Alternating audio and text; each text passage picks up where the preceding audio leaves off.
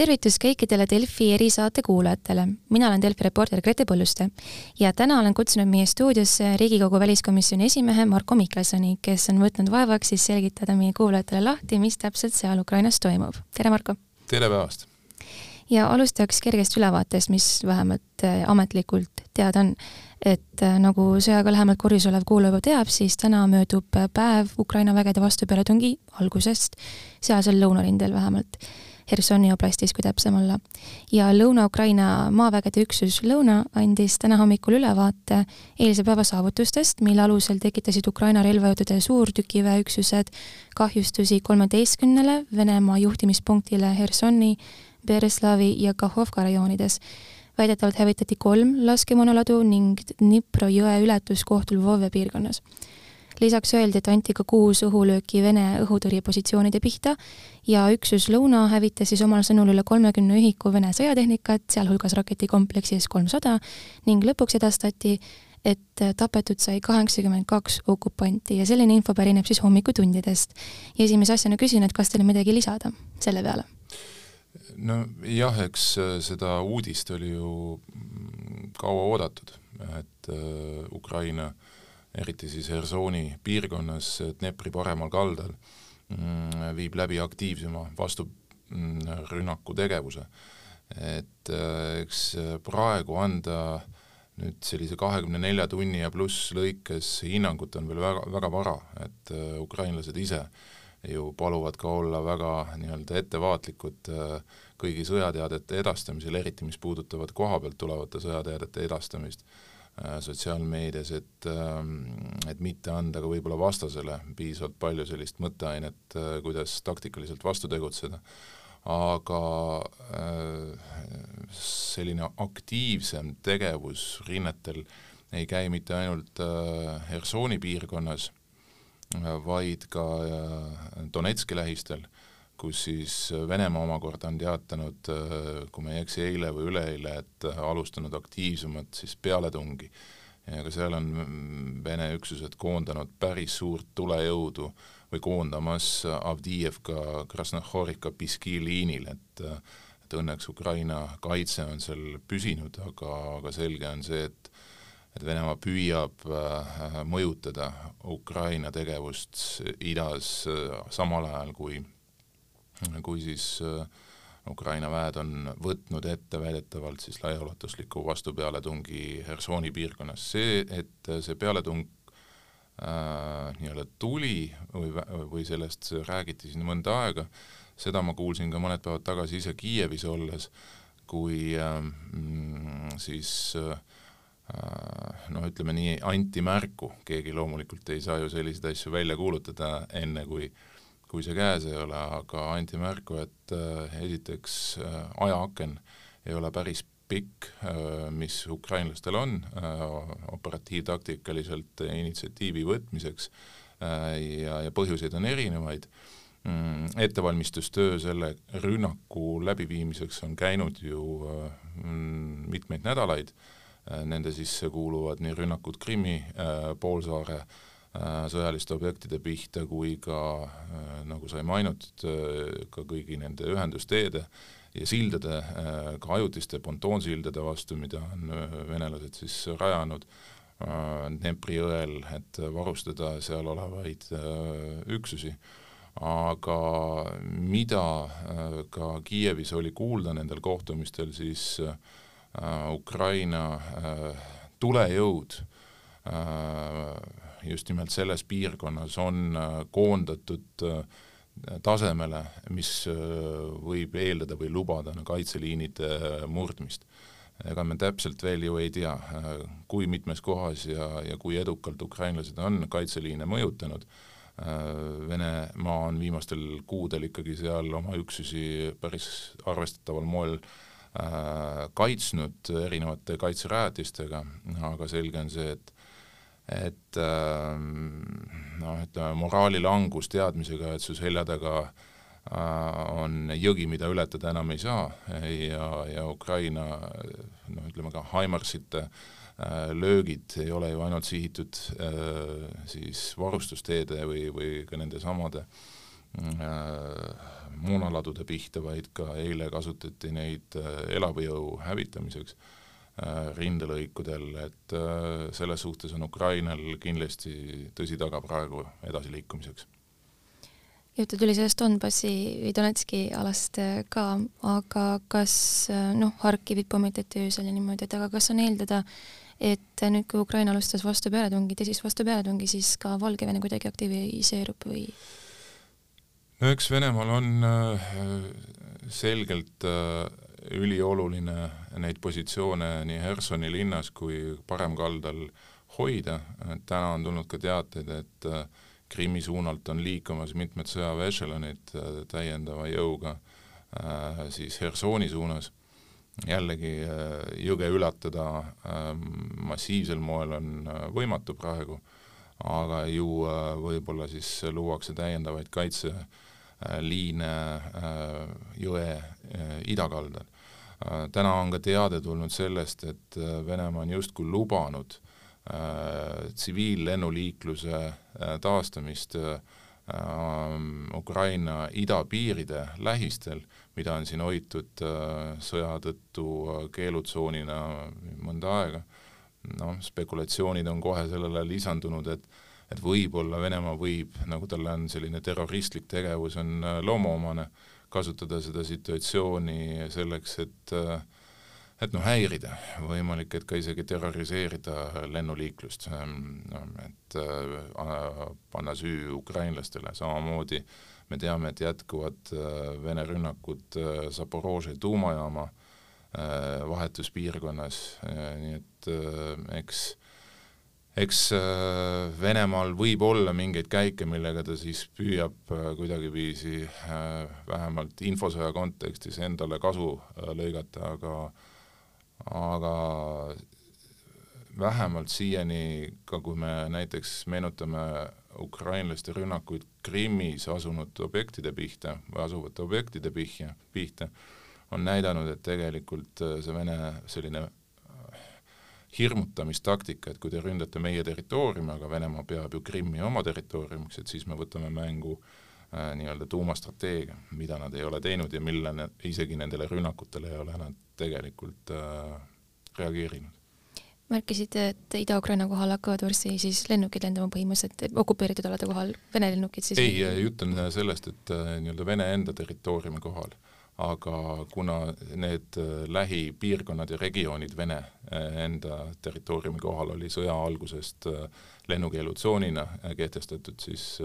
praegu on vähemalt tähele pandud, et et äh, väga kummalisel ajal on äh, taas lubatud äh, lennuliiklus, reisilennukite liiklus piirkonnas, kus tegelikult käib, mille lähedal käib päris aktiivne lahingutegevus, kui pidada silmas siis Ida, Ida-Ukrainat ja Donbassi. Nii et on eeldust oletada, et venelased võivad iseenda lennukeid hakata maha laskma iseenda kodanikega või? me peame olema valmis, noh, see on üks spekulatsioon, mida on äh,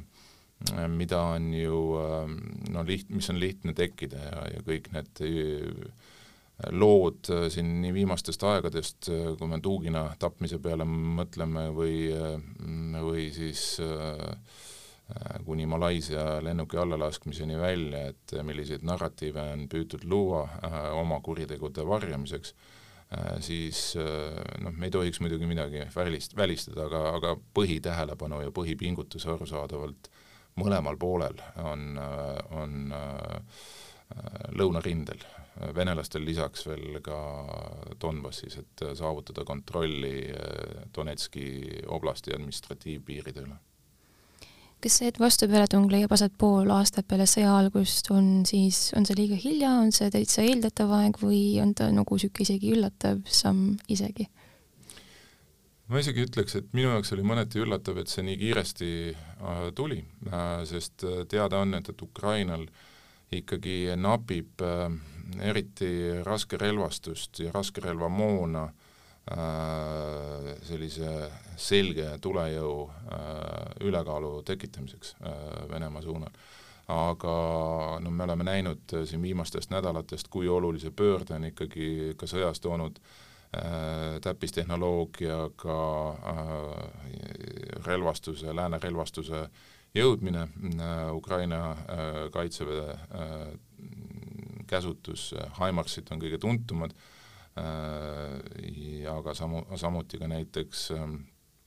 saja viiekümne viie millimeetrised haubitsid, mis on väga hea täpse laskevõimega, et lihtsalt küsimus on selles, et, et see peamiselt suurtükisõja sõjas ülekaalu saavutamine, sul on lihtsalt vaja neid torusid rohkem ja, ja ka laskemoona valmidust mingites läbilöögipiirkondades seda tulejõudu nii üle vastasest projitseerida, et loomulikult enda kaotusi hoida võimalikult madalal, et ma ütleks, et et kuna Ukraina pool avalikult ja ametlikult äh, nagu me kuulasime eile õhtul Zelenskit, siis tema vihje on see, et, et kui Venemaa ei taha oma sõdureid veelgi suuremal hulgal kaotada Ukrainas, peaksid nad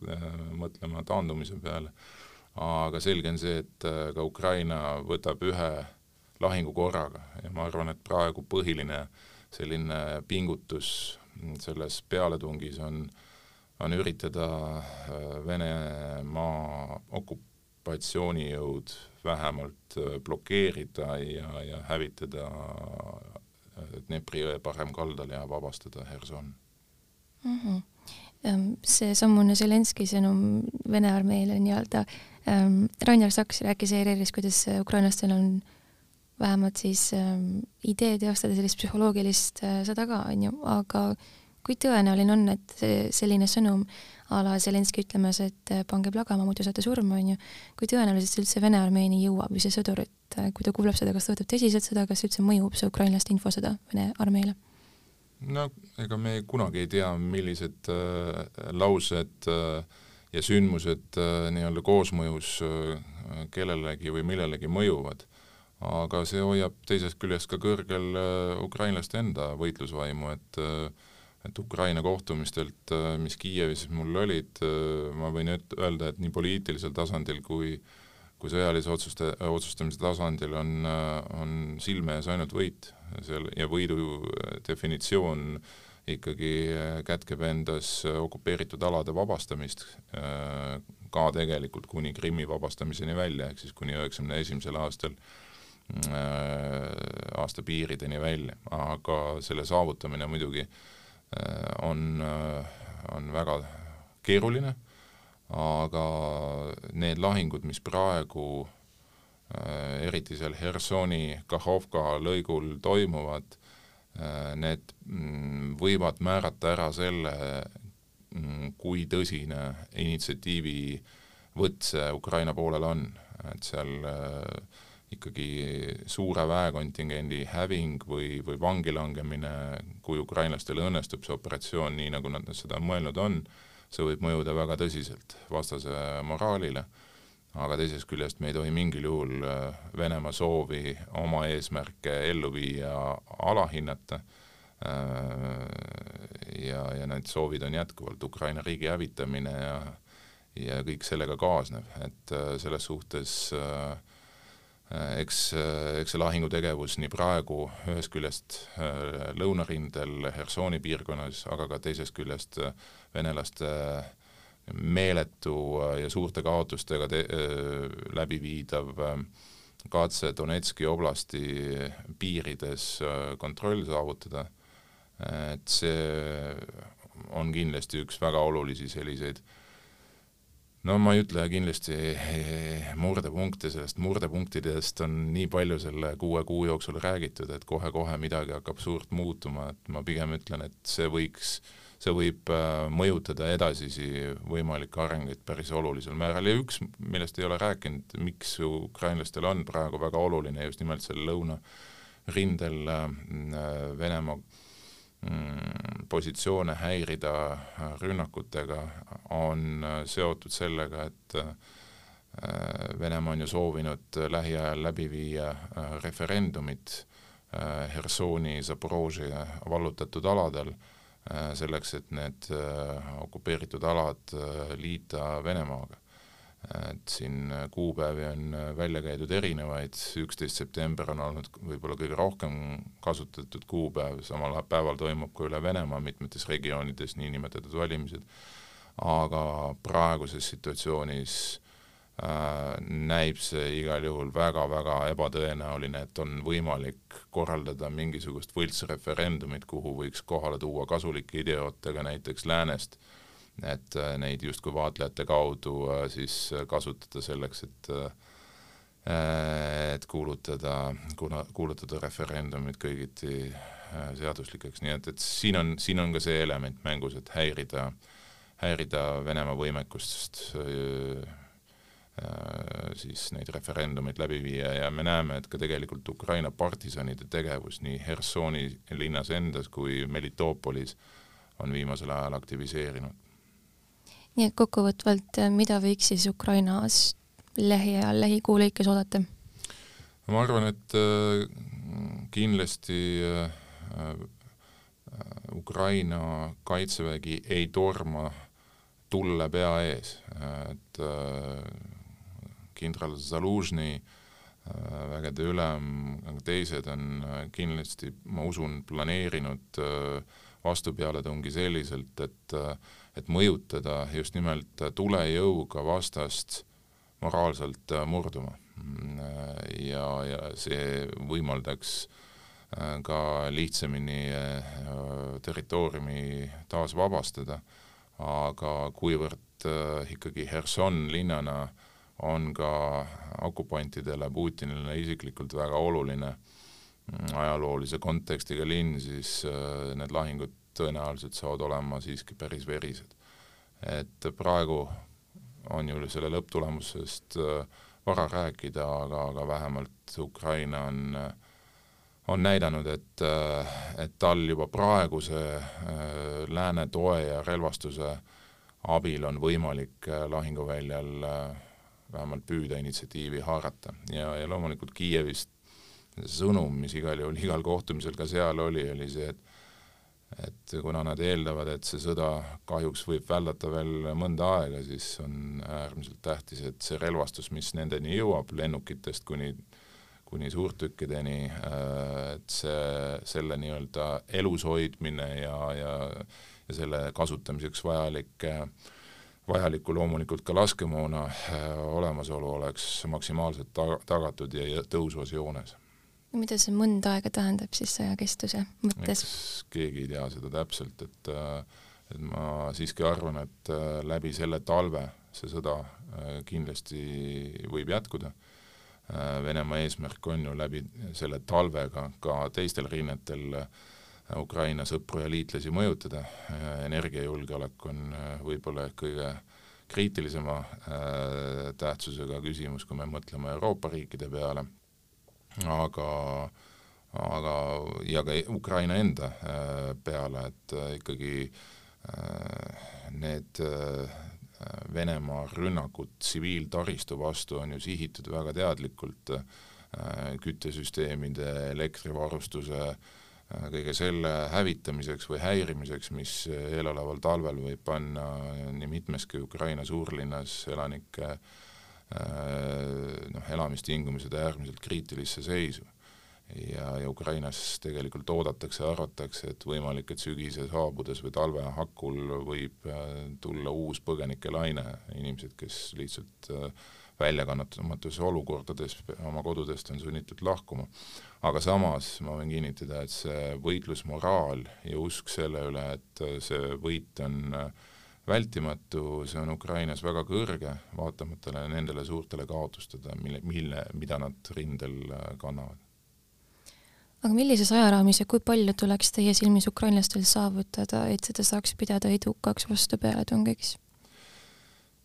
eks need vastupealetungid tõenäoliselt omavadki erinevast, ma ei usu, erinevat sellist mõõtkava, et ma ei usu, et keegi äh, Äh,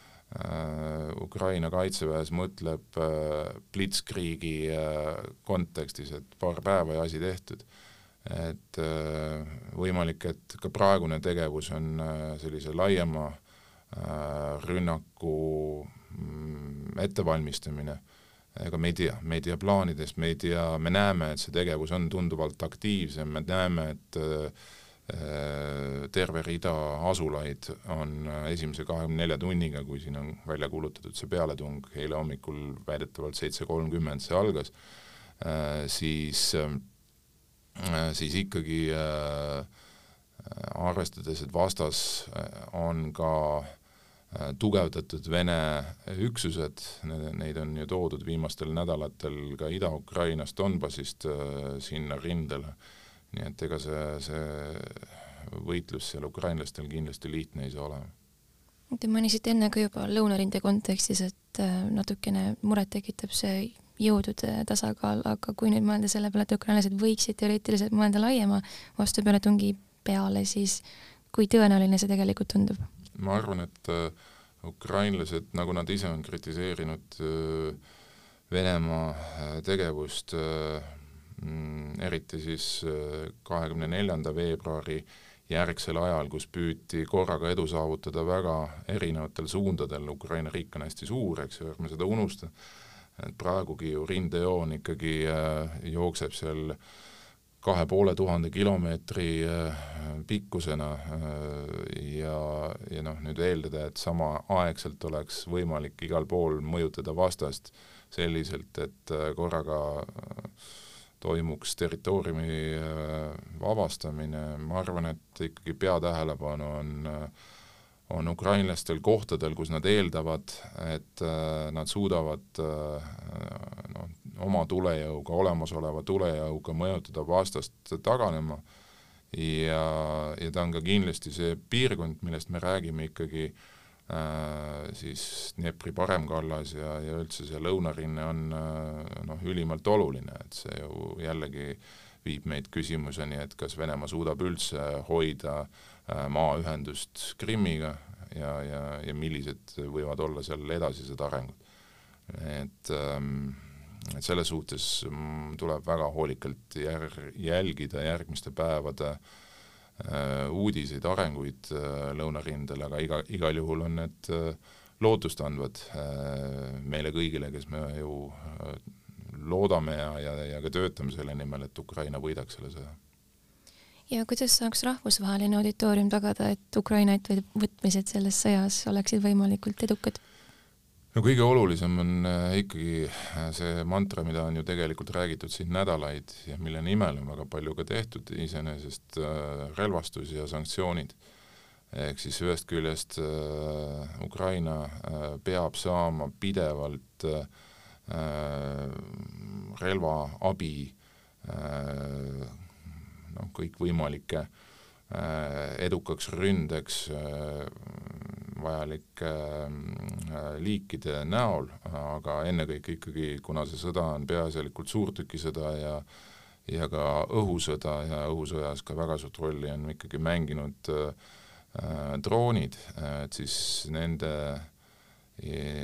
nende tegevuse toetuseks ja, ja võimekuseks just nimelt vastasest üle olla äh, et see on ähm,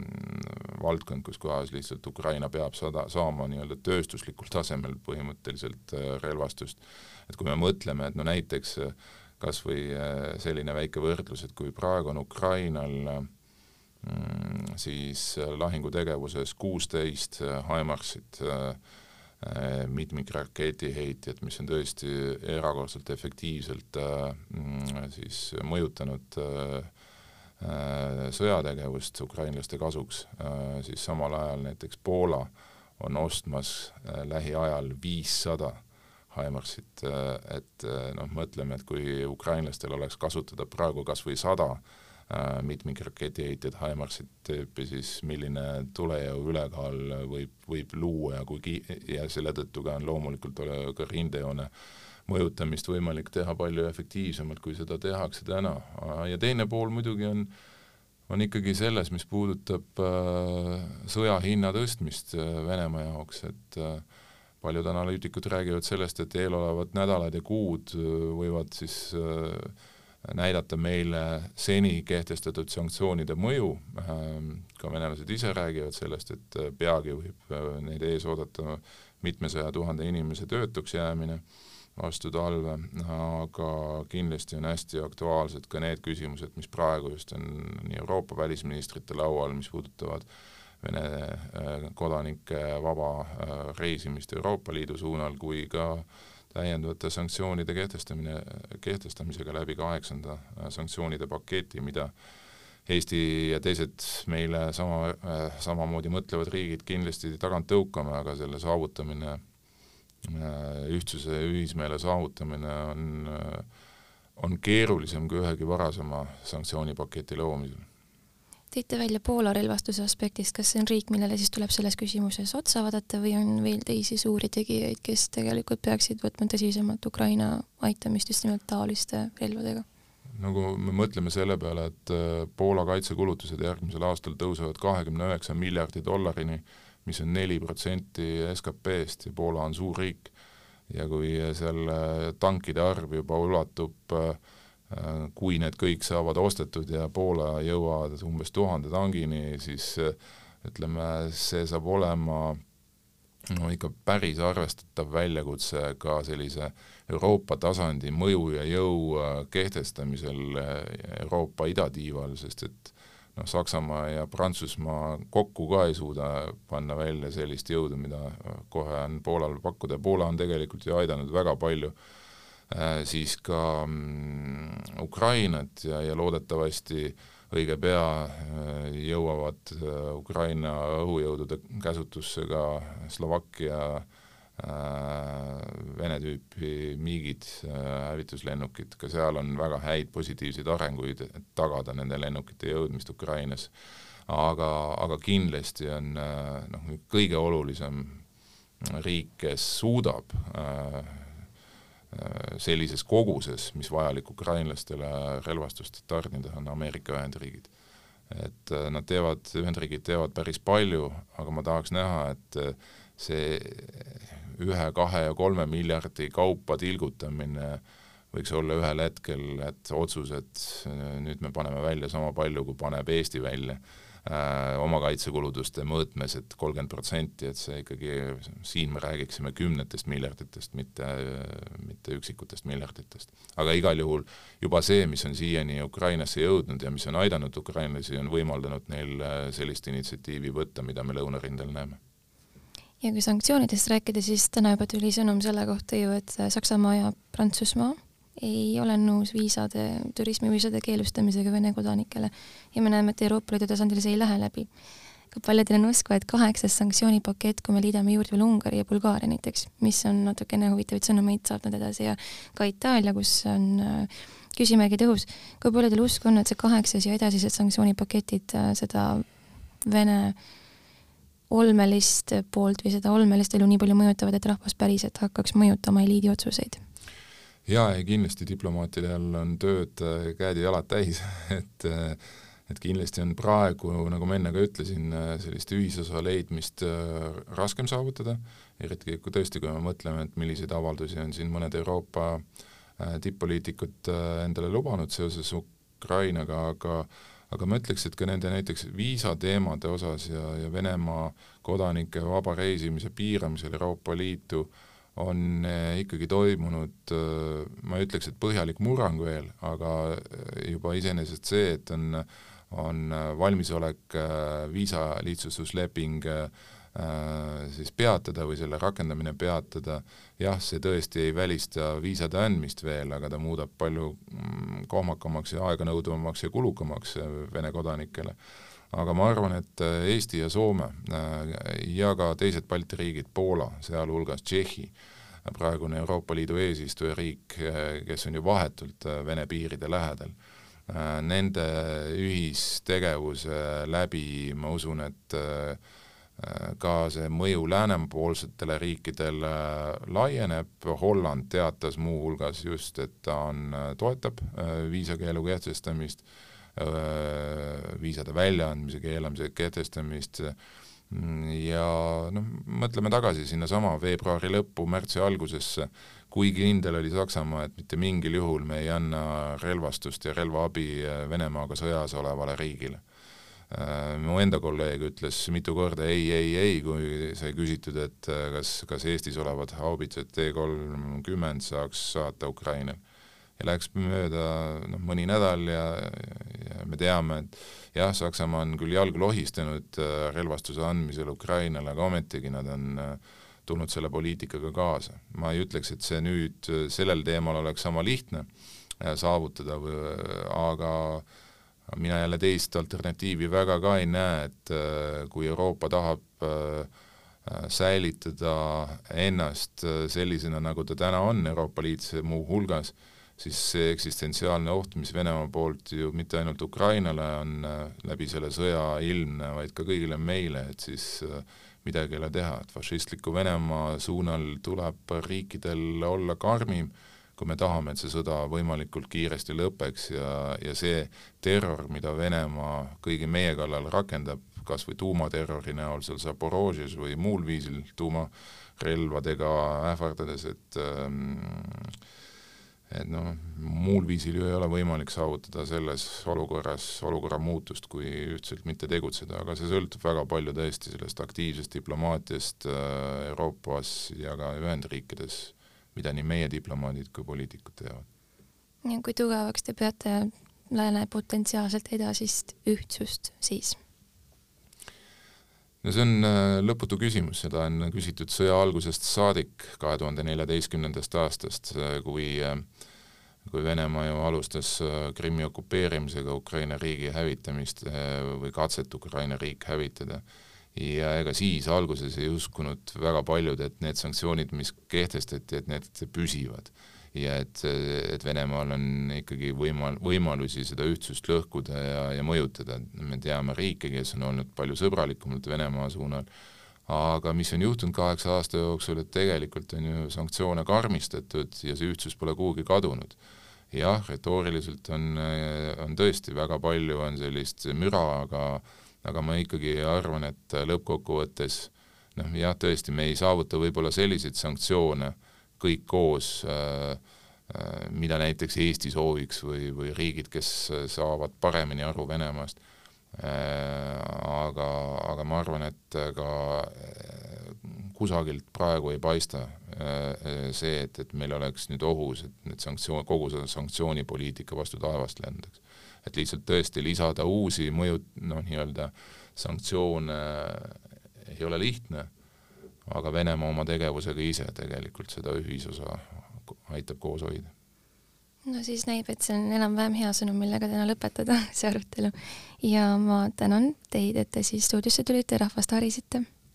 ja tänan ka neid, kes on jõudnud lõpusekunditeni siin saates, et tänaseks on iseenesest kõik ja järgmise korrani